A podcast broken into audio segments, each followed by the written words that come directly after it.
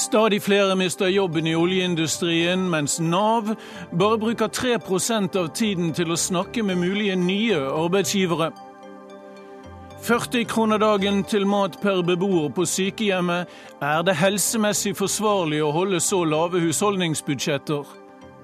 Høyre i trøbbel i Bergen. Ordfører Trude Drevland i permisjon mens hun blir politietterforsket. Partiet hennes stuper på meningsmålingene.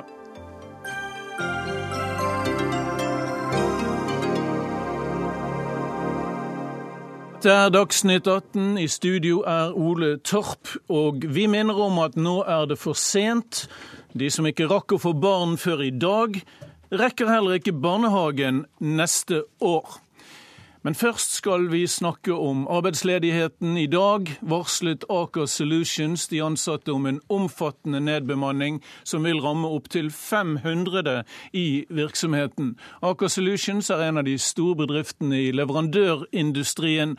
Dermed treffer krisen i oljebransjen nå også Østlandet. Kuttplanene rammer ansatte på Fornebu, i Stokke, i Moss og på Tranby.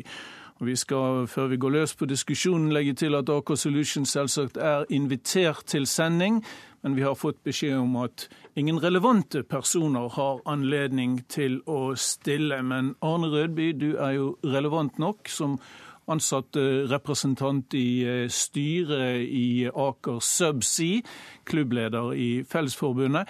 Hvordan har de ansatte tatt beskjeden om flere oppsigelser i dag? Nei, altså jeg vil si at generelt så har de ansatte tatt den eh, beskjeden med fatning.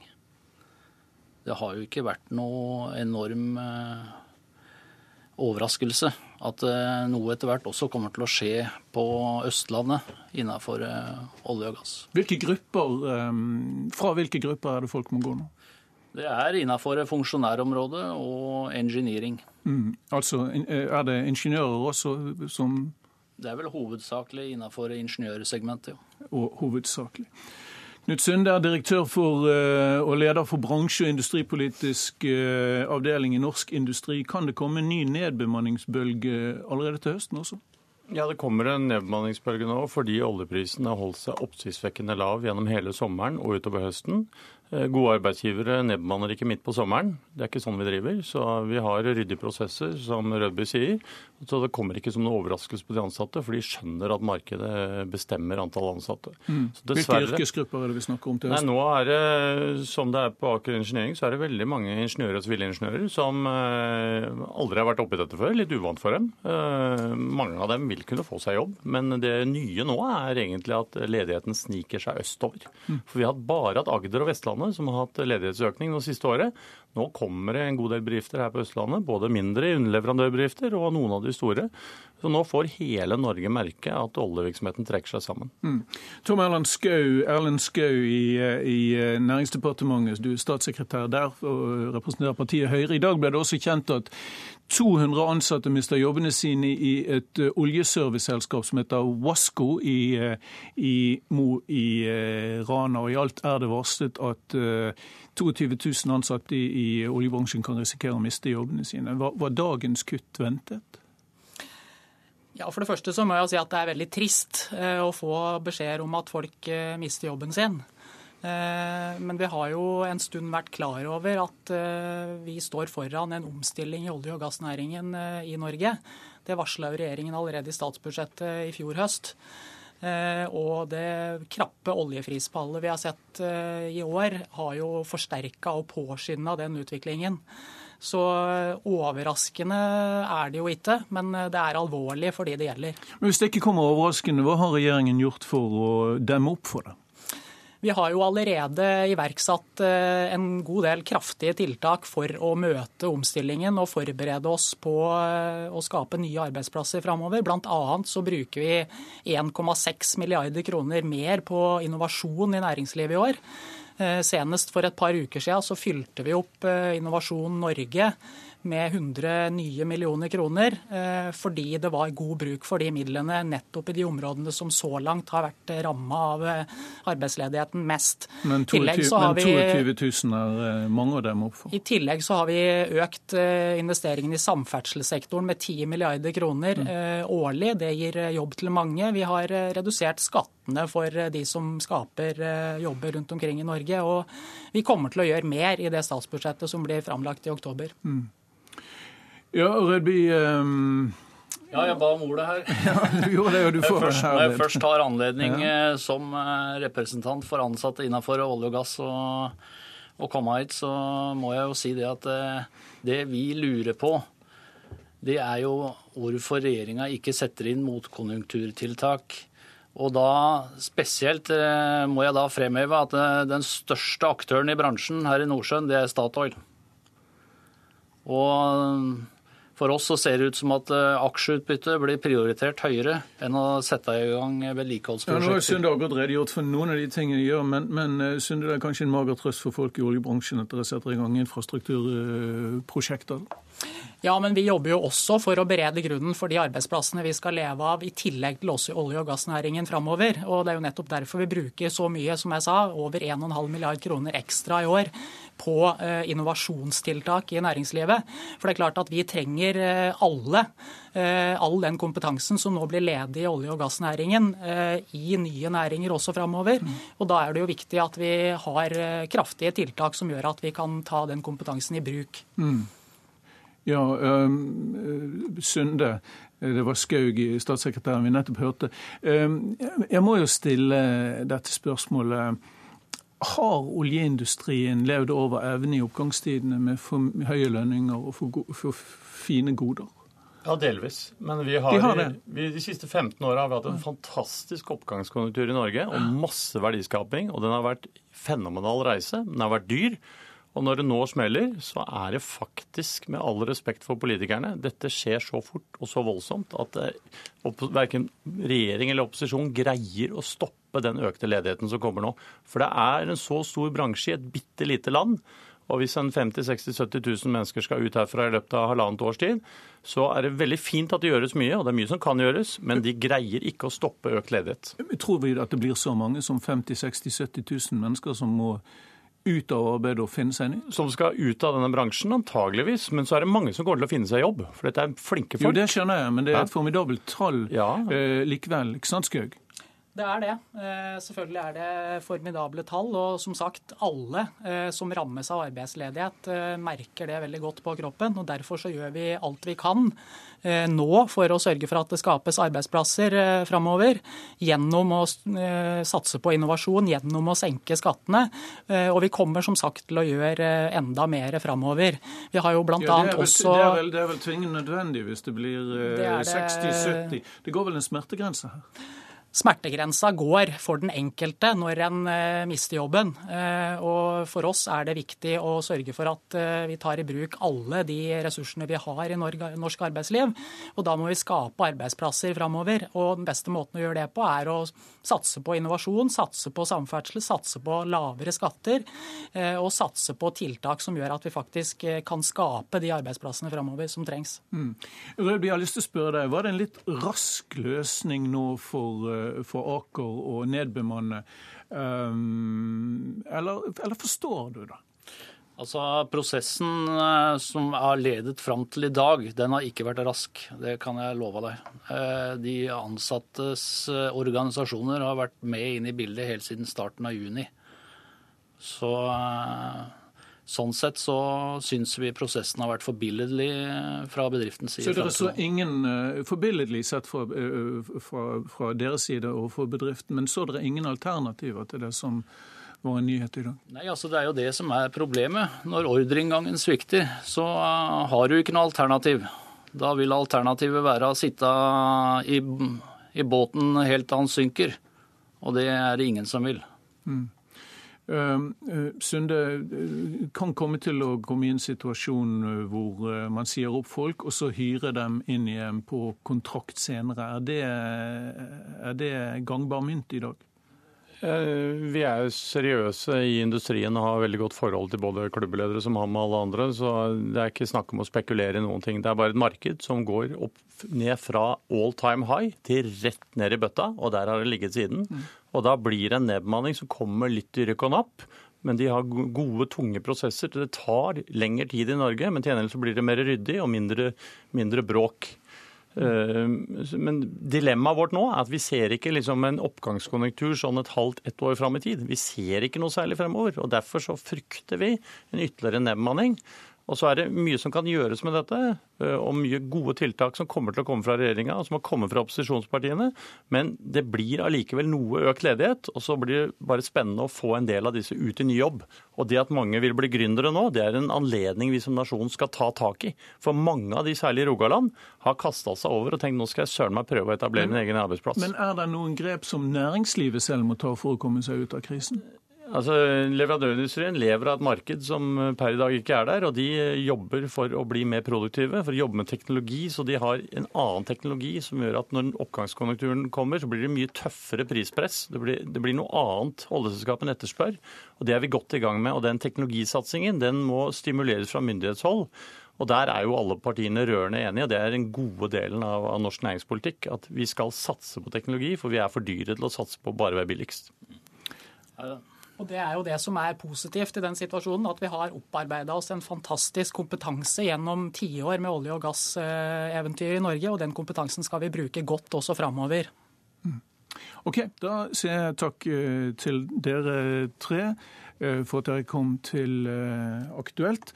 Og vi skal fortsette å snakke om dette temaet, for mens arbeidsledigheten stiger, bruker Nav bare 3% av eh, møtetiden sin til å snakke med arbeidsgiverne om å skaffe jobber. Eh, vi gjør et litt skifte her i studio, eh, og jeg vil spørre deg, Lisbeth Fransplass. Du er assisterende tjenestedirektør i Nav. 3% av møtetiden til å skaffe nye jobber. Hva gjør dere hele dagen i Nav? I Nav gjør vi mye. Det er et bredt nedslagsfelt. Og det vi hovedsakelig gjør, det er å ta oss av de som blir ledige. Dvs. Si personbrukerne. Vi hørte nettopp historien fra Aker Solution, og dessverre så har vi tilsvarende situasjon i deler av landet vårt nå. Og det å ta imot søkerne på en god måte, både i forhold til veiledning, avklaring i forhold til ytelser osv., det er en viktig jobb for oss. Og det tar mye tid. Når det er sagt, så er 3% altfor lite, og vi jobber nå intenst for å øke vår arbeidsgiverkontakt. Ja, Spesielt siden det er vel Navs viktigste oppgave å skaffe folk jobb. Ja. Og uten god arbeidsgiverkontakt så vil vi heller ikke lykkes så godt som vi veldig gjerne vil. Så det så, jobber vi med. Så dere er ikke fornøyd med, med tidskontobruken i, i dag? Nei, vi er ikke fornøyd, men vi er veldig stolt over at det jobbes godt og bredt med dette i Nav i dag. Det er en prioritert oppgave på alle nivå. Mm. Statssekretær i Arbeids- og sosialdepartementet Torkil Omland, er det holdbart eh, dette vi hører fra Nav? Vi har jo helt fra dag én når regjeringen eh, ble innsatt, eh, hatt fokus på den si, arbeidsrettede delen både av Nav og av de tjenestene som eh, leveres av Nav. Mm. Derfor så var arbeidsministeren Robert Eriksson raskt ute og etablerte et ekspertutvalg for å gå gjennom Nav, hvor en av de tingene de skulle se på, var spesielt dette med hvorvidt man lykkes i å få folk i arbeid. Og Den rapporten fikk vi nå i i, i, vår, og det er jo den der man har hentet disse tallene fra også. Mm. Eh, og Det som er det viktigste fokuset nå framover i forhold til Nav, det er det vi kaller å gjenreise A-en som nok har gått litt tapt i Nav-reformen, hvor man har vært veldig fokusert på ytelser. og Det har kanskje vært en viss nødvendighet også, for folk må få de ytelsene til rett tid og, og, og rett ytelse som de trenger. Men i det så har nok A-en forsvunnet. Eh, den arbeidsretta delen av Nav forsvunnet. Hvor, fortell meg hvordan dere mener, ser for dere at Nav skal bli mer eh, arbeidsrettet? Jeg tror man må tenke på flere plan. Det ene er Nav som organisasjon, med kompetanse, med organisering, med Nav-kontorene og, og, hvordan dette er strukturert. Og Det er jo det dette utvalget nå har gått igjennom og, og sett på, kommet med en rekke forslag. Eh, og Det holder vi på å gå gjennom nå. Vi har også en, en grundig prosess i Nav, eh, både med ansatte og med, med, med direktoratet, med organisasjoner, med de som er berørt av dette. For Man skal ikke ha en ny Nav-reform på den måten. Nå skal vi snu opp ned på alt igjen. Vi skal ha en god prosess, en god runde. Eh, og så skal vi komme med de forslagene som vi eh, mener er gode forslag, mm. Eh, og, og, gjennomføre de. Så har vi også gjort en del andre grep, for vi mener at her er det viktig å tenke flere ting. Vi har forenklet arbeidsmarkedstiltakene. Det er, kommet, det er der konkret ligger på bordet nå, forslag. Og vi har også sett på ytelsene, om de er gode nok, spesielt arbeidsavklaringspenger holder vi på å gå gjennom, for å se om det er arbeidsrettet nok. Så jeg tror at man må, man må tenke bredt okay. og se på både verktøyene og ja, organiseringen. Nettopp. Og da må jeg spørre Elisabeth Fransplass igjen. Eh, er det sand i maskineriet her, eller er det en annen slags kompetanse dere trenger eh, blant folkene som er ansatt? Det er en intern omstilling. Dels gjennom å effektivisere forvaltningsoppgaver, slik at vi frigjør tid til å følge opp brukerne bedre og jobbe tettere på arbeidsgiverne. Dels gjennom digitalisering av tjenester. At flere blir selvhjulpne gjennom gjennom nav.no. og slik at våre veiledere... Ikke si at dere må ha enda et nytt datasystem Nei, det skal vi ikke ha. Vi klarer oss veldig godt med det mm. datasystemet vi så langt har i den omstillingsjobben vi nå står midt oppi. Mm. Men du svarte ikke på det. det. Trengs det andre typer ansatte enn det dere har i dag? Jeg tror vi kommer langt med kompetanseutvikling i, i etaten, slik vi er rigget okay. nå. Dag Terje Andersen, velkommen til deg. Også du er medlem av arbeids- og sosialkomiteen på Stortinget for Arbeiderpartiet. Hva syns du om dette bildet? Nei, Det bildet vi har nå er jo veldig uh, vanskelig. Uh, og Da vil jeg dra linjene tilbake til innslaget foran. Uh, med den økende arbeidsledigheten. Det er, det er over ti år siden sist vi hadde så stor arbeidsledighet. og det er veldig mange tiltak som vi må gjøre med Nav, særlig på arbeidsmarkedssida, det er jeg helt enig i. Men den aller, aller viktigste arbeidsmarkedspolitikken, det er fakta den daglige næringspolitikken. Eh, å sørge for at eh, ordinære jobber eh, går bra, og investere i det. Og Derfor er vi veldig kritiske til at regjeringa ikke har satt i gang flere tiltak for å møte ledigheten når oljeprisen faller. Og For å ta et veldig dagsaktuelt ta et veldig dagsaktuelt eksempel. Eh, hold an et sekund. Slik du ser det, er, er det feil i Nav-systemet når, når, vi hører om dette med 3% av, eh, av arbeidstiden? Ja, Når vi hører 3% i gjennomsnitt, så betyr jo det at enkelte av dem som da jobber der, kanskje ikke bruker nesten noe tid på Dette gjelder jo da kontakt mot arbeidsgiverne, ja. men det er en veldig viktig del av jobben. Og vi ser jo, vi ser jo at eh, noen lykkes. Og Da går det an å ta utgangspunkt i arbeidslivssentrene som eh, lykkes. I det som lykkes der nettopp elementet å ha god kontakt med det vanlige arbeidslivet er veldig, eh, veldig viktig. Men jeg må allikevel få lov til å dra den linja i forhold til den forrige saken. fordi at eh, Når nå folk mister jobben i Lier og i Stokke og i Moss, så er det i hvert fall vår oppfatning, og det var derfor vi i vår tid fikk innført noe som heter omstillingsloven, at eh, da skal Nav altså være der før folk mister jobben å være med i den vanskelige prosessen som, eh, som Aker uh, Innovation nå skal gjennom. Men vi får, vi får, jo formode at Nav følger med når vi hører om, eh, om 500 f.eks. Ja, fra vårt forrige innslag. At, at, alarmen går i Nav allerede nå, ikke sant? Ja. Eller gjør den ikke det? Jo, nå står våre Nav-kontor beredt til å ta imot de mm. som blir ledige. Men det er, det er en ekstra stor mobilisering rundt de Nav-kontorene som nå er berørt, for å håndtere den økende ledigheten, som vi f.eks. ser i Rogaland. For det er ingenting lenger som kommer som noen overraskelse når vi snakker om oljerelatert bransje, er det det? Nei, vi er forberedt på det nå. Hmm.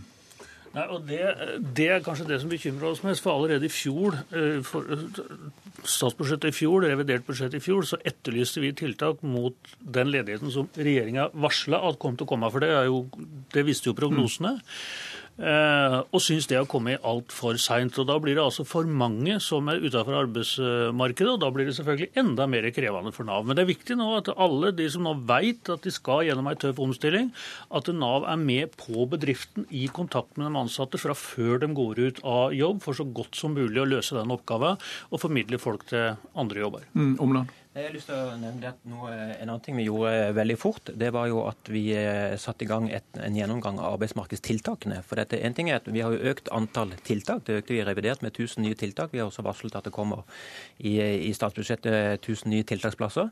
Eh, men så er det også å se at disse tiltakene er effektive. At folk faktisk, at ikke det bare er et oppbevaringssted, men at folk kommer ut i arbeid gjennom det.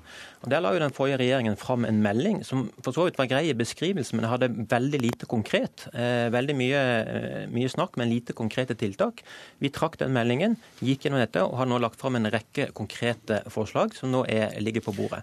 Og Det kan nevne bl.a. at vi har tatt det man kaller for en tilretteleggingsavtale. Så har du en arbeidstaker, arbeidsgiver og Nav for å få dette samarbeidet til å fungere godt. Og Da snakker vi om mennesker med hull i CV-en og nedsatt arbeidsevne. Så skal det være en konkret bindende avtale hvor det er en kontaktperson på Nav det er forpliktende oppfølging av den ansatte, det er tilrettelegging, det er eventuelle hjelpemidler osv. som skal til for at dette skal fungere i praksis. Og jeg tror nok at når vi får en... en dette, er veldig, dette, er jo veldig, konkret. Ja, det eh, konkret. Kan det bli så konkret, uh, Frans Plass? Ja, vi jobber konkret med disse mm. utfordringene, ja. Mm. Men jeg ble veldig interessert i det du sa i sted om at dere er forberedt på den store ledigheten som vi ser kommer i oljerelatert bransje. Hvordan da? Vi har et tett og god dialog, spesielt med Rogaland, og følger de tett eh, også ressursmessig i forhold til eh, hvordan man nå er rigget eh, i forhold til de utfordringene vi nå står overfor. Samtidig så er det jo også sånn at andre deler av landet opplever en annen virkelighet, bl.a. våre nordligste fylker. Mm. Så vi prøver også å koble på de fylkene som nå har etterspørsel etter arbeidskraft, slik at vi unngår å få langtidsledighet blant eh, ressursstyrke arbeidssøkergrupper, som vi må si disse ingeniørgruppene er. Så det er en, det er en koordinering eh, fylkene imellom, i, i hvert fall, dr. Andersen? Ja, Statssekretær Omland nevnte, nevnte, tiltaksplasser. og Det synes jeg er et veldig godt eksempel på at vi er et uføre som kunne vært mindre eh, tøft enn det er i dag. fordi at Eh, det er nå første gang vi har en regjering som har kutta antall tiltaksplasser når de varsler at ledigheten går opp. Det samme med permitteringsregelverket. Vi vet at det er en god del folk som kunne vært permittert, men som isteden er oppsagt. Det vi da foreslår å gjøre for å hjelpe næringslivet framover, er f.eks. å styrke muligheten til bedriftsintern opplæring. Det er altså et tiltak som gjør at hvis du skulle bli, eh, ha lite å gjøre i NRK en periode, så kan du altså gå og skolere deg og ta kurs og komme enda bedre skolert tilbake når arbeidsoppgavene kommer år eh, tilbake. Den type tiltak brukte vi når arbeidsledigheten eh, trua oss i 2008 og 2009. De fungerte veldig godt. Det er et tiltak som eh, Nav bruker. Og som vi kan bruke den tida til Og som det er lagt for lite vekt på nå, mener du? Så Nå uh, har, vi, har, vi, ikke den muligheten til å bruke det i 26 uker, og vi kan heller i dag ikke bruke det pga. konjunkturproblemer. og Det er kurant hvis regjeringa vil innføre det. Vi fikk det godkjent i ESA under forrige regjering pga. at det var en vanskelig konjunktursituasjon. Det har regjeringa nekta å gjøre noe med. så det er en del ting vi kan gjøre. Vi kan òg gjøre noe i forhold til bransjen. Vi kan sette i gang uh, i forhold til å investere f.eks. i ferjer. Offshore-delen av, av Nordsjøen og noe av det som er ramma. Vi kan altså gjøre mye for å styrke næringslivet. La oss høre om svare på dette sånn at eh, Det gjøres også mye i, i eh, andre bransjer når det gjelder det som er med bedriftsintern opplæring så eh, er det et tiltak som er der i dag. Det er også unntaksbestemmelser hvis man ønsker å ha lenger enn 13 eh, uker, slik som dere foreslår. Men faktum er det at når vi undersøker, så er det faktisk ikke så stor etterspørsel etter det. Og det å satse på tiltak som ikke etterspørs, og det tror jeg er litt viktig prinsipp i alt dette her. For det er lett å komme med en haug med tiltak i alle retninger som, som, på en måte man skal vise at man gjør noe. Men det som er veldig viktig, at man, de tiltakene man setter i gang, de er målrettet, de er gjennomtenkt, slik at de faktisk treffer en del av de eh, gruppene man er ute etter. Vi har jo lagt fram et, et forslag forslag nå, som også vi har varslet kommer i, i budsjettet. Det er et nytt toårig utdanningstiltak. Eh, og Det kan være en viktig del i, i en sånn eh, omstillingsprosess, der man kan, man kan eh, gjennom utdanning eh, omstille seg. Vi har også lagt inn disse PPU-plassene, faktisk tror er altså pedagog, praktisk pedagogisk utdanning, hvor eh, mange av de som da jobber f.eks. I, i, har realfags- og ingeniørbakgrunn, kan ta en lærerutdanning og, og jobbe i, dette, i skolen. Dette høres jo det, fint ut, eh, Dag Terje Andersen. Ja, det tiltaket der er et av de tiltakene som vi har med på den tiltakspakka som vi har lagt fram, i forhold til å kunne, kunne bruke fagfolk til å bli lærere. Men det som er tilfellet med bedriftsintern opplæring, er at du kan ikke bruke det mot konjunktur i dag. Det er tydelig at statssekretæren egentlig ikke kjenner regelverket. Du må faktisk forandre regelverket for at det skal kunne bli eh, etterspurt. Men så vil jeg si det aller viktigste i dag. Ja, for nå det, det fryktelig teknisk her. Ja, og det er, er jo fakta. Og sørge for, det, Nå er det over 9 ungdom som er arbeidsledige. Det er altså den største utfordringa vi har. Derfor er det der vi først og fremst må satse. Vi har satt av egne midler til Nav for å satse spesielt på ungdom. Vi må satse på utdanning. Vi må styrke yrkesfagutlæringa. Vi må styrke lærlingordningene. Okay. I det hele tatt satse breit på å... ungdom. Det er det aller, aller viktigste i den fasen. Det er mye å gjøre for Lisbeth Fransplass øh, og hennes kolleger. Er jobb for ungdom jobb nummer én for Nav? Det er en av de høyest prioriterte oppgavene våre, ja. Okay. Da får vi håpe dere bruker ekstra mye tid på eh, det. Mer enn 3% kanskje av eh, møtetiden. Takk skal dere ha alle sammen. Torkil Omland, statssekretær, eh, Dag Terje Andersen fra arbeids- og sosialkomiteen og Lisbeth Fransplass, tjenestedirektør, assisterende tjenestedirektør i Nav. Takk for dere kom til Dagsnytt 18.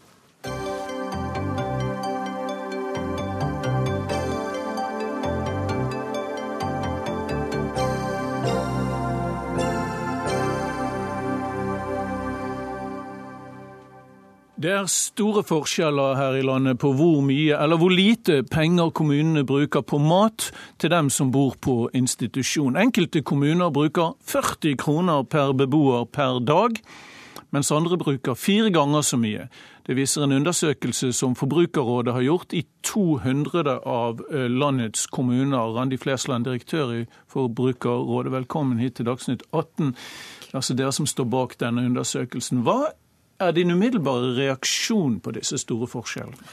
Jeg ble aller mest forundret og litt nysgjerrig på hva er det egentlig som gjør disse store forskjellene.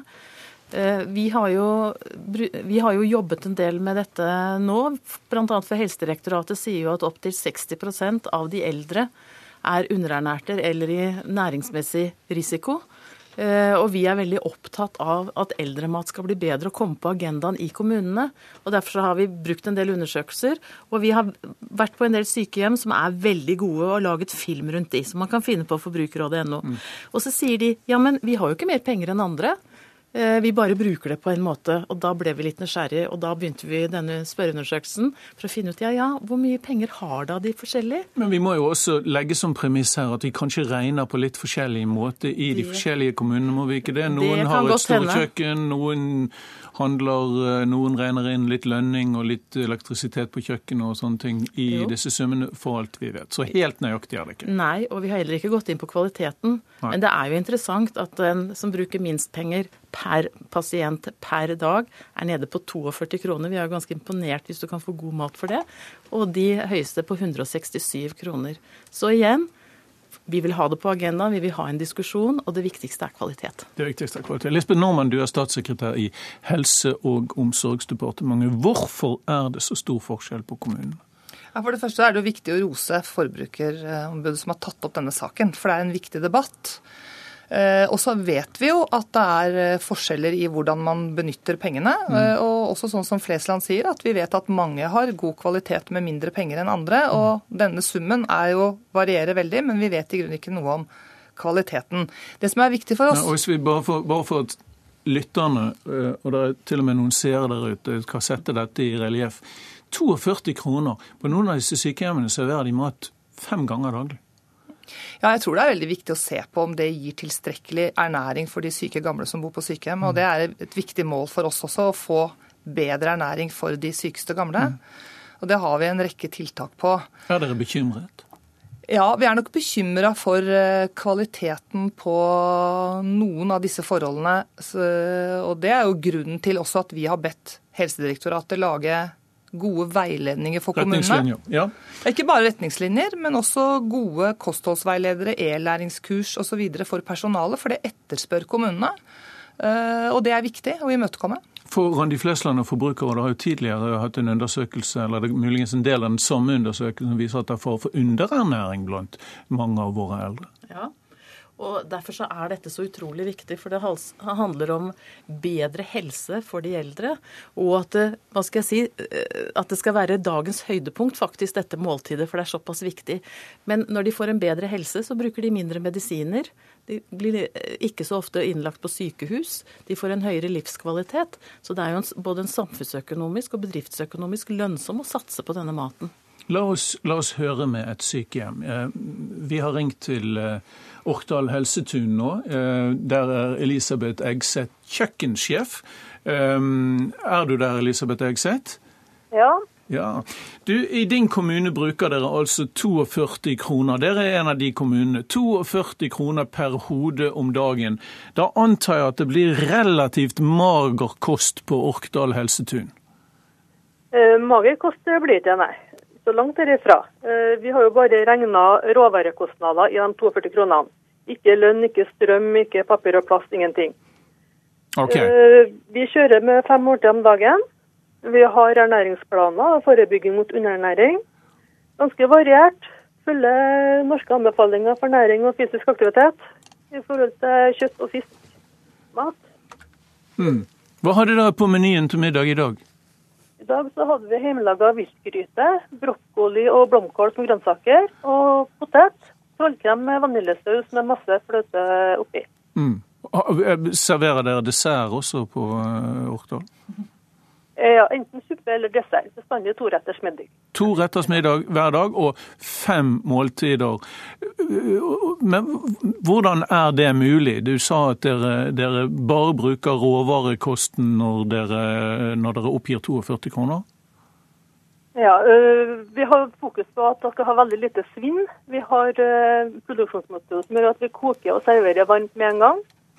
Vi har kjøkken på sykehjemmet som gjør at vi bestandig har til påfyll hvis det er noen som spiser godt, sånn at svinnet er minimalt. Mm. Men blir det, blir det, nok mat med god kvalitet? Ja.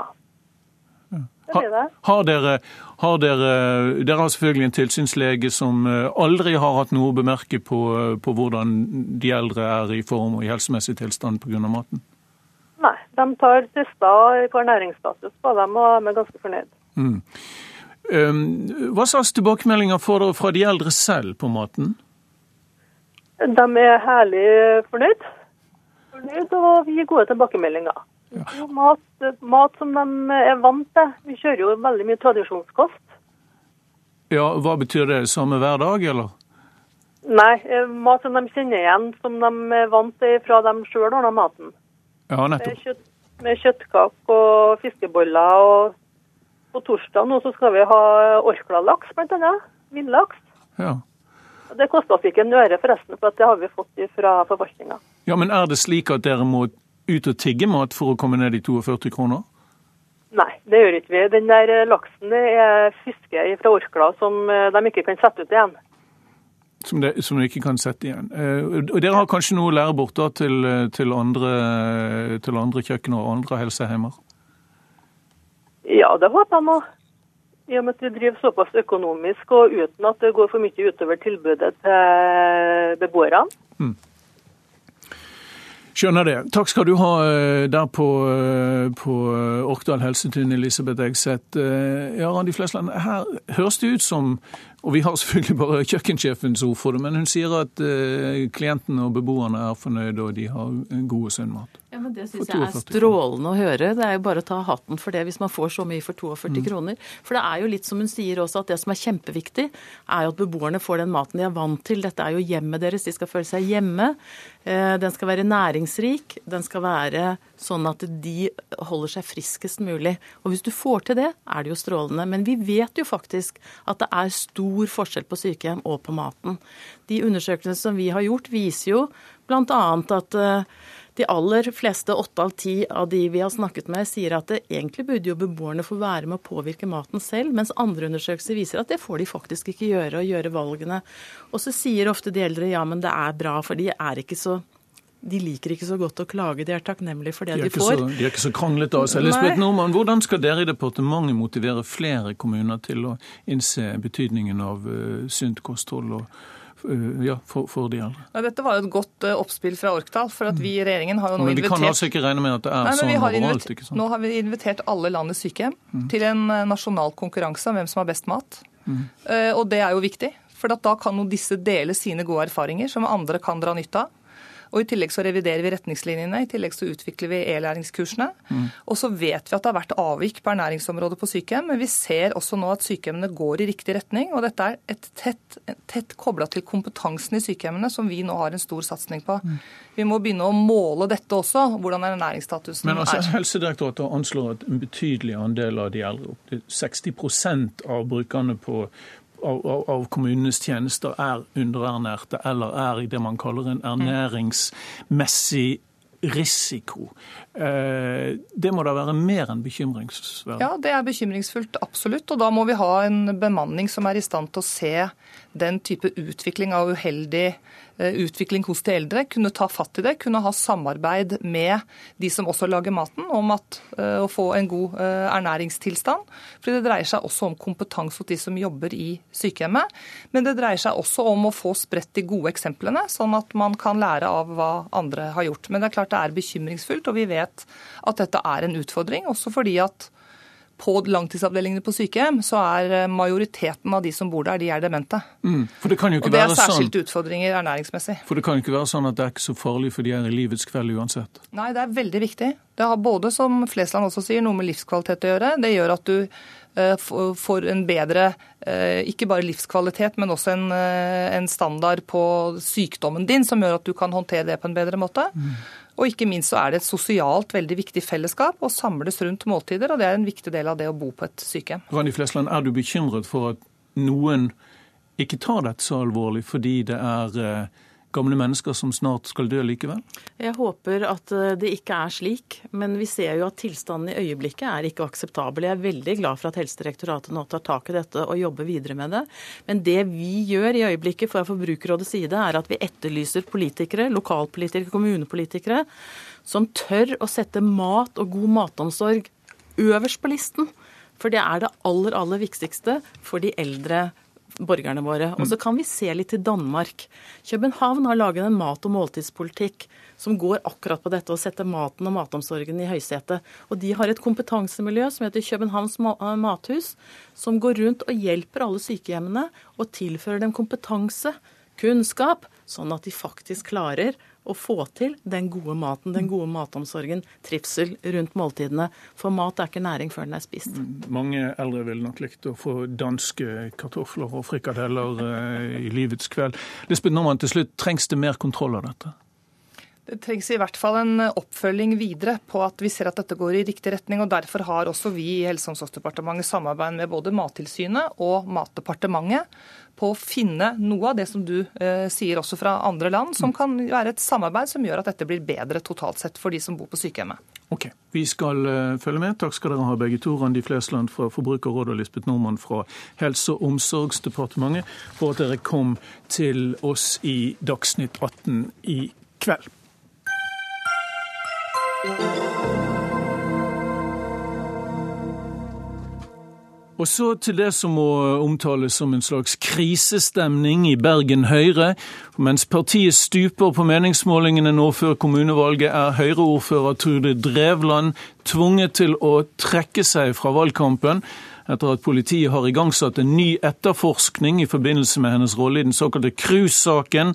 Det dreier seg om et påspandert minicruise, et privatfly til Venezia, et eh, brev til næringsministeren med forslag om nyordninger for eh, cruiseredere osv.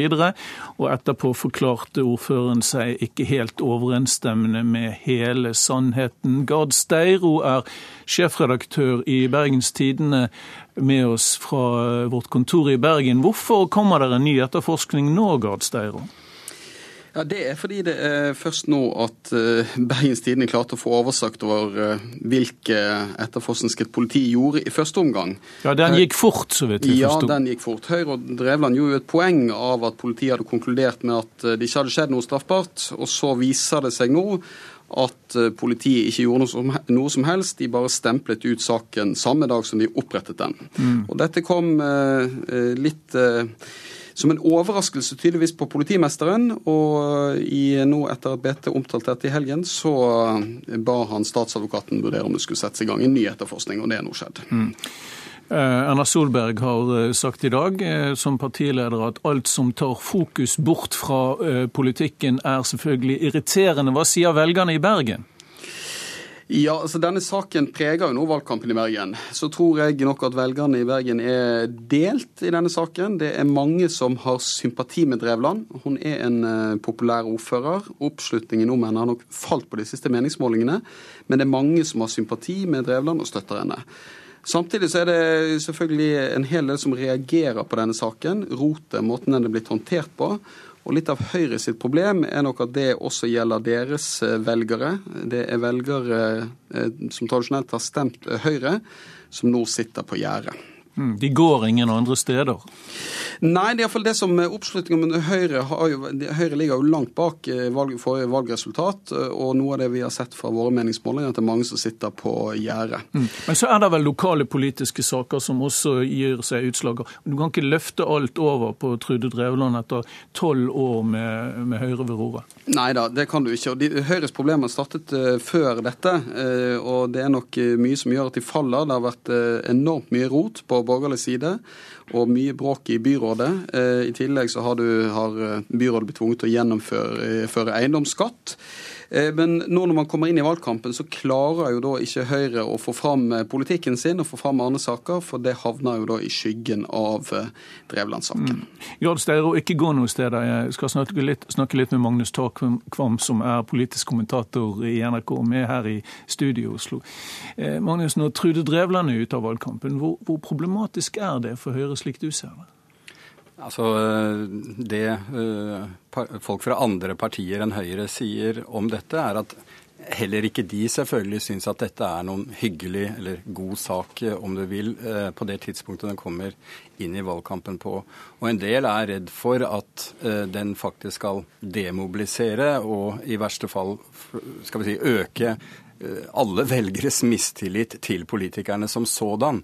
Slik at i tillegg til da at selvfølgelig det konsumerer veldig mye av medieoppmerksomheten og fortsatt skal vi si, fokuserer på, på, denne saken. Så jeg har inntrykk av at hele, hele bergenspolitikken er lei seg for, for det som, som, eh, nå har skjedd. Eh, litt overraskende kanskje at det kom enda en runde med, med Drevland-saken. Mm. Trude Drevland er en tydelig gallionsfigur av en ordfører og en politiker. Akkurat en sånn type politiker som vi vet at bergensere elsker Høyrefolk jeg snakket med tidligere i dag, sa at, sa at hun var deres sterkeste kort. Nå har de mistet det kortet. Ja, og som Gard Steiro er inne på, så er det jo en, et helt arsenal av krisesaker som har preget bergenspolitikken mm. i det siste, og mange har jo brukt det det munnhellet at vinner ikke Arbeiderpartiet byrådsmakten nå, når skal de da klare mm. å gjøre det? Og vi ser også at eh, ja, eh, noen unge eh, stortingsrepresentanter fra Bergen, Peder Christian Frølich og Erik Skutle, liksom nå sier nå må det være nok, nå må vi ikke la Arbeiderpartiet få walkover, så å si, i, i eh, valget.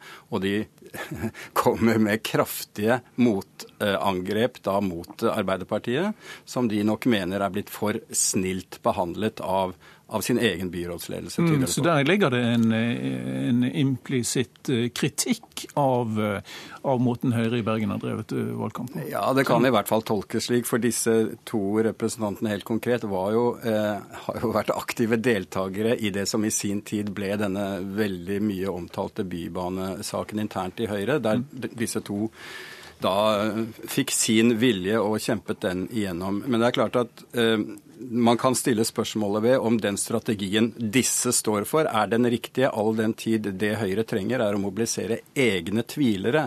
De har jo for så vidt ikke gått til Arbeiderpartiet i stor grad. og da, da kan man nok spørre seg om uh, den riktige medisinen er på en måte å, å klistre Arbeiderpartiet opp til Rødt og til feministiske initiativ og osv., som de tydeligvis gjør. Det virker som de har nok å tenke på innad i, i Høyre også. Eh, det har vært vanskelig å få noen fra det partiet til å si noe til oss i dag. Høyres generalsekretær ønsket heller ikke å være med i Dagsnytt 18. Han sier til oss i ettermiddag at det ikke er rett å kommentere det. Og Formannen i Høyre i Bergen ville tidligere i dag ikke svare Bergensavisen på om ordføreren hadde tillit i partiet. Det har han riktignok måttet justere i løpet av dagen. Eh, heller ikke han ville ville, ville komme til, eh, til, Dagsnytt 18. Det sier vel litt om, eh, om stemningen mellom de syv eh, fjell Gard. Når alt kommer til alt, er det kanskje like bra for Bergen Høyre at, at Trude Drevland nå tar permisjon? Nei, Jeg tror nok i utgangspunktet at Høyre hadde ønsket å ha henne med seg. Det er jo som du sier at det er mange som mener at hun har vært et, var, ville være et sterkt kort inn i denne valgkampen. Hun er populær. Men da saken har blitt som den har blitt, eh, så er det klart at den, eh, det er nok riktig at hun da tar en eh, pause. Mm. Og det har vi jo sett at hver gang Trude Drevland har blitt intervjuet i denne valgkampen, så har hun fått spørsmål om cruisesaken, og det var også før etterforskningen ble satt i gang. Mm. Og selv om det er mange andre saker i Bergen, f.eks. denne eiendomsskatten som man skålte i champagne da man opphevet, og så gjeninnførte den bare uh, like etterpå, så er det saker i, i, i jeg holdt på å si kjølvannet av Trude Drevland som kan tyde på at, eh, at uh, det har en viss tilknytning til henne. Uh, meningsmålingene stupte vel i mai og juni etter denne såkalte cruisesaken. Ja, altså det, jeg tror nok denne har virket inn. Jeg er usikker på hvor mye den har betydd. Men det er jo et problem for Høyre at de nettopp har jo vært det styringsdyktige partiet i Bergen. Det er jo det som har vært deres, et av deres viktigste kort. Og når det da både de bytter byrådsleder etter mye bråk, og ordføreren havner i slike problemer, så svekker jo det politiet voldsomt, partiet voldsomt. Partiet voldsomt, ja. ja. Um, Magnus Takvam, to uker igjen av valgkampen. Den dag, I dag. Hva kan Høyre få til i Bergen på så kort tid? Nei, det, de selv sier, er jo at skal de, eh, skal de ha sjanse til å beholde makten, så må det skje en mobilisering uten sidestykke i, i den ja, halvannen uken eh, vi har igjen, og de mm. varsler eh, dørbanking og, og, og sånn. Men det er klart at de har en veldig lang vei å gå. Men som sagt så er håpet deres at Arbeiderpartiet på den ene siden har skal vi si, fullmobilisert sine velgere med 80% lojalitet fra sist valg, mens da f.eks. Høyre har 60% De har eh, den muligheten å få de eh, velgerne som har mistet tilliten til, til partiet, og få, få, de ned igjen. Men. Det, det, blir selvfølgelig spenningsmomentet. Mm, og vi vet at kampen om storbyene er veldig viktig i denne valgkampen. Hvis Høyre taper valget så kraftig som det ser ut til i øyeblikket, så kommer de og leter etter en syndebukk i Bergen. Ja, og det Frølich eh, Ja, det er helt opplagt. Da blir det en liten sånn palassrevolusjon, kanskje. Frølik, Frølich, som vi var inne på, eh, argumenterer jo for denne sluttspurten nettopp med 2017. De kan ikke overlevere eh, makten i Bergen til Arbeiderpartiet. Det vil Arbeiderpartiet i så fall bruke som en plattform til stortingsvalget. Spennende blir det. Eller kanskje ikke så spennende. Takk skal du ha, Magnus Takvam. Og takk til sjefredaktør Gard Steiro, sjefredaktør i Bergenstidene med oss derfra.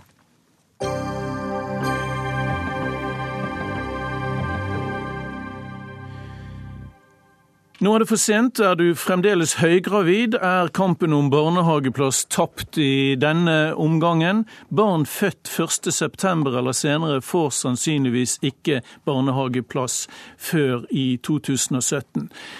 Leder i familie- og kulturkomiteen for Høyre, Svein Harberg, eh, med oss eh, på telefon fra Sørlandet. Det er vel sånn, ikke sant, Svein Harberg? Ja, det er sånn at rett muligheten til å få en barnehageplass eh, før 2017 den bortfaller etter 1.9. Men det betyr jo ikke at det er lukket eh, dører overalt. Mange kommuner har jo kapasitet til å ta inn eh, barn etter hvert som de kommer i riktig alder. Men i mange, mange andre kommuner er det kliss umulig? Det er helt riktig at spesielt i de største byene er det stort press på barnehageplasser. Og det er press på kapasiteten, og der er det denne rettigheten som da bortfaller denne dagen. Mm. Eh, hvorfor er dette så vanskelig? Kan ikke to opptak være et første steg mot, eh, mot eh, løpende opptak? To opptak kan en selvfølgelig lovfeste. Da får vi to sånne datoer som en kommer for seint til. Og det er selvfølgelig bedre med to enn med én. Men det som er vårt klare mål, det er det at vi skal tilføre så mange barnehageplasser at det er en fleksibilitet på dette, slik at barnehageplassen er der så snart som mulig etter at barnet er klart til å gå i barnehage. Og Det er den prosessen vi har startet, og bygger opp mot det. Mm. Hadia Tajik er med meg her i eh, studio fra Arbeiderpartiet i Dagsnytt 18. Hvorfor blir dere aldri enige om dette? Full dekning og bort med 1. Jeg er veldig glad for at Svein Harberg sier at han har det samme målet som Arbeiderpartiet, nemlig det å få til løpende barnehageopptak. Men det jeg syns er veldig uheldig å se, det at eh, Høyre og Fremskrittspartiet i regjering jo ikke tar de grepene som må til for å kunne oppnå dette. Arbeiderpartiet foreslår i vårt eh, alternative budsjett for 2016 eh, at man setter av de nødvendige 100 millioner kronene, altså det er over 500 millioner kroner det da er snakk om, for å få på plass to barnehageopptak i året. Det er den type skritt skritt man må ta for å kunne oppnå løpende barnehageopptak. Mm. Det er bra for ungene, for de får da barnehageplass når foreldrene trenger det. Det er bra for foreldrene, for de får barnehageplass sånn at de kan kombinere familieliv og jobb. Og det er bra for det norske samfunnet, men, for da kan flere være i arbeid. Hadia Tajik, jeg hater å minne om dette, men dere satt i regjering i åtte år. Regelen om 1.9 gjaldt da også. Hvorfor gjorde dere ikke noe med det da dere hadde sjansen? Jeg er glad for at du spør om det, for det gir meg muligheten til å minne om at det er nettopp Stoltenberg II som sørga for den massive barnehageutbyggingen som har gjort det mulig å ha barnehageplass til alle som er født før 1.9. Men vi vil jo da ta de nødvendige neste skrittene, sånn at òg alle unger som er født etter 1.9 får barnehageplass. Og det er det som er forskjellen på Høyre og Fremskrittspartiet og på Arbeiderpartiet. Det er at eh, de bruker 12 milliarder kroner på å kutte i skattene. Vi vil bruke 500-600 millioner kroner for å sørge for at unger får barnehageplass. Her sitter millionene løst. Svein Harberg, er det det som er situasjonen? Ja, Det som er situasjonen, er jo at vi har eh, virkelig tilført penger til nye barnehageplasser. Vi har i budsjettet for inneværende år sammen med samarbeidspartiene fått på plass en gedigen satsing. 3400 helt ferske nye barnehageplasser er det som kommer på plass med de pengene vi har tilført. Og det er jo et skikkelig løft, i motsetning til det som har vært tidligere. Okay. Men dette er jo ikke eh, Altså, jeg skal gi Svein Harberg dette. Han har rett i at de har tilført noen nye plasser. Det syns jeg er bra. Men realiteten er at de kunne tilført mange flere plasser. Minst dobbelt så mange. Det har Arbeiderpartiet foreslått. Det har Høyre stemt ned. Grunnen til at de har gjort det, er at Høyre har ikke råd til det. De har brukt de store pengene på å kutte i skattene i stedet for å bygge ut barnehageplasser. Arbeiderpartiet har råd til barnehageplasser. Mm. For, for Hadia Tajik er det så enkelt at det er enten skattelette eller barnehageplasser. Nå vet jo vi at virkeligheten er litt annerledes og at vi også har satset på mange andre ting når det gjelder barnehage. Nemlig kompetanseløftet for de barnehageansatte, som heller aldri har vært så stort. Men Harberg, med all respekt, nå snakker vi om eh, kapasiteten for uh, ungene. La meg spørre deg om dette. Noen kommuner velger å betale for flere barnehageplasser selv for å få bedre uh, dekning. Burde dere nå i regjering finansiere mer av dette for kommunene? Ja, det jobber vi jo med, og det er jo derfor vi har gjort det. Ja, jobber med det, hva betyr det? Ja, Det betyr at vi tar det bit for bit fra budsjett til budsjett. Og det er underlig at Arbeiderpartiet nå plutselig har råd til å ta alt sammen eh, en, i én jafs. Når de gikk ut av regjeringskontorene, så greide de jo ikke engang å komme med nok penger til dette. Da kom de med en startbevilgning til et nummer to-opptak. Så, så, de har jo ingen historie som forteller at disse vil noe mer. Det er greit å sitte i opposisjon og bevilge disse pengene, men vi fører en helt bevisst politikk for å nå fram mot fleksibelt opptak. Det er vi godt på gang med. 3400 helt nye plasser. I tillegg til at de andre plassene er opprettholdt. Det er meget bra. Hadia Tajik, Høyre ønsker oss et fleksibelt opptak. Hvor aktuelt er det for dere? Det er fleksibelt med et løpende barnehageopptak. Det er nettopp det vi jobber for. Men det Svein Harberg og Høyre kom med, det er altfor lite, det er altfor seint. Realiteten er at de kunne bygd ut mange flere barnehageplasser hvis de hadde gått for f.eks. Arbeiderpartiets alternative statsbudsjett. Mm. Så er det veldig rart å få kritikk for historien når det er nettopp Arbeiderpartiet i regjering som sammen med SV og Senterpartiet sørger for at eh, man har nok barnehagedekning til at alle før 1.9 får plass. Men vi har da altså ambisjonen om at òg alle de etter skal få plass.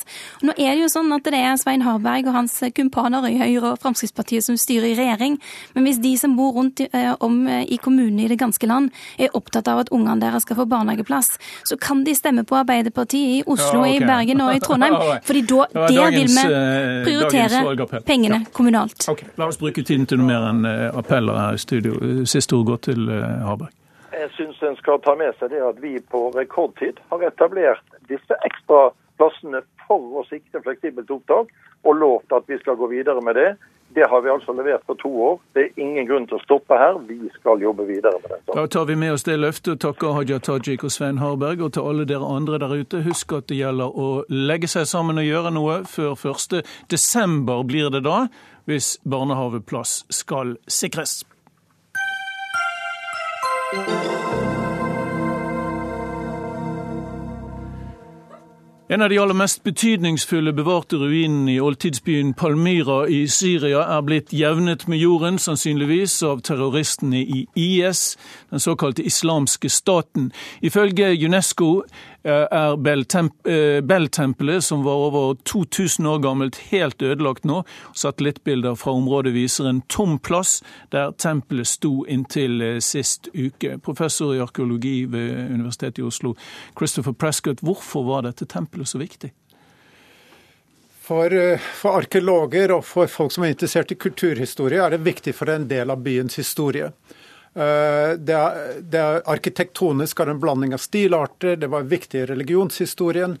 Uh, og det, det, var med å skape den, iko, det ikoniske stedet Palmyra. Mm. IS sier at de vil ødelegge alle bygninger og alle ruiner som viser det de mener er avguder. Uh, var det slik utsmykning på Beltempelet? Ja, selve, selve, tempelet var en uh, dyrkelsesplass opprinnelig for guden Bell, en viktig semittisk gud i området, og mm. gud for Palmyra i uh, både førromerske og romerske epoker. Uh, men tempelet har også blitt brukt som moské senere, så den har en lang historie. Men jeg tror dette er veldig symbolsk, det er veldig propagandaladet. De, de, de kommer til å sprenge ting over så lang tid som mulig i Palmyra for å trekke ut den propagandamessige effekten av dette her. Hva tror du de kommer å ødelegge neste gang? Altså Listen over ting fra uh, Diokletians uh, militærleir, uh, det lille amfiteatret, det store, store romerske teatret, kolonaden som fortsatt står, som vi fortsatt ser på bildene. Alle disse ting er objekter som de sikkert mer enn gjerne kommer til å sprenge mm. i Palmyra. Det er vår felles kulturarv de er i ferd med å ødelegge? Dette er vår felles kulturarv, ja. Det er Rent bortsett fra at det er på Unescos verdensarvliste, og et viktig monument sånn sett, og viktig kilde til uh, turisme i uh, Syria, så, um, så, er det dette en del av Midtøstens kulturhistorie og kulturarv som strekker seg tilbake til jordbrukssteinalderen, 6000 før Kristi fødsel. Altså Tempelet på Bell ligger oppå en bosetningshøyde som er skapt av bosetningslag, uh, som, som, strekker seg tilbake til 6000 før Kristi fødsel. Og uh, og IS har ikke bare nøyd seg med å sprenge templer og den slags, de går løs på ikke undersøkte kulturlag, slik at vi aldri vil få anledning til å undersøke disse tingene. Og vi frykter at de kommer også til å gjøre dette på hvor Bell, det, den siste Bell-tempelet sto. Hva gjør det med deg som arkeolog å se på dette uten å kunne gjøre noe? Nei, nå, nå har det vært flere år med fullstendig barbarisk rasering av kulturminner i, i disse områder. Så man blir etter hvert litt herdet. Men på bakgrunn av det som har skjedd de siste årene, så ser jeg dette et litt større bilde, nemlig IS sin krigføring mot verdier som jeg holder nokså høyt, som, går, som arkeologi er en del av. Det har med eh, mangfold i kulturen, det har med mangfold i religion og det har med mangfold i etnisitet. Dette er en del av deres krigføring. For lenge det er krigføring som skal skape kulturell, etnisk eh, rensing i området. Mm. Og så vet vi at I tillegg til det rene hærverket, så foregår det som UNESCO eh, omtaler som en plyndring av industrielle dimensjoner. Vi vet allerede at mange artifakter øh, fra romersk, gresk, bysantinsk og islamsk tid er kommet på markedet helt til, både på nettet og, og til og med i Londons antikvitetsforretninger. Betyr det at hele Palmyra blir demontert, og at dette er helt uopprettelig skade? Altså, Plyndring i Palmyra startet allerede med regjeringsstyrkene før IS eh, kom inn. De begynte å plyndre eh, nekropolen, altså grav, de dødes by der. Mm. Og tingene begynte å komme ut for flere år siden i Tyrkia. Uh, Plyndringer i Syria og Irak er nå så massivt at uh, jeg tror det, aldri, det, er på en skala vi har aldri sett før. Og Det er enorme summer i omløp, og det byttes til dels direkte mot våpen. Uh, men det som skjedde i Palmyra, var også at de som arbeidet der, greide å få unna en del ting også, mm. og de har gjemt det bort. Så han som var sjefen for dette her, en som het Assad, eh, som ble halshugget forleden, han ble torturert for å blant annet fortelle hvor de har gjemt unna disse tingene. Det er en eh, katastrofe vi ser utspille seg, og de dokumenterer det, disse terroristene i IS. Takk skal du ha, eh, Christopher Prescott, for at du ville komme til Dagsnytt 18 i kveld og fortelle om dette. Sendingen eh, nærmer seg slutten. Jeg skal bare opplyse om at ansvarlig for sendingen var Ingebjørg Sebu. Teknisk ansvarlig var Finn Lie, og i studio satt Ole Torp.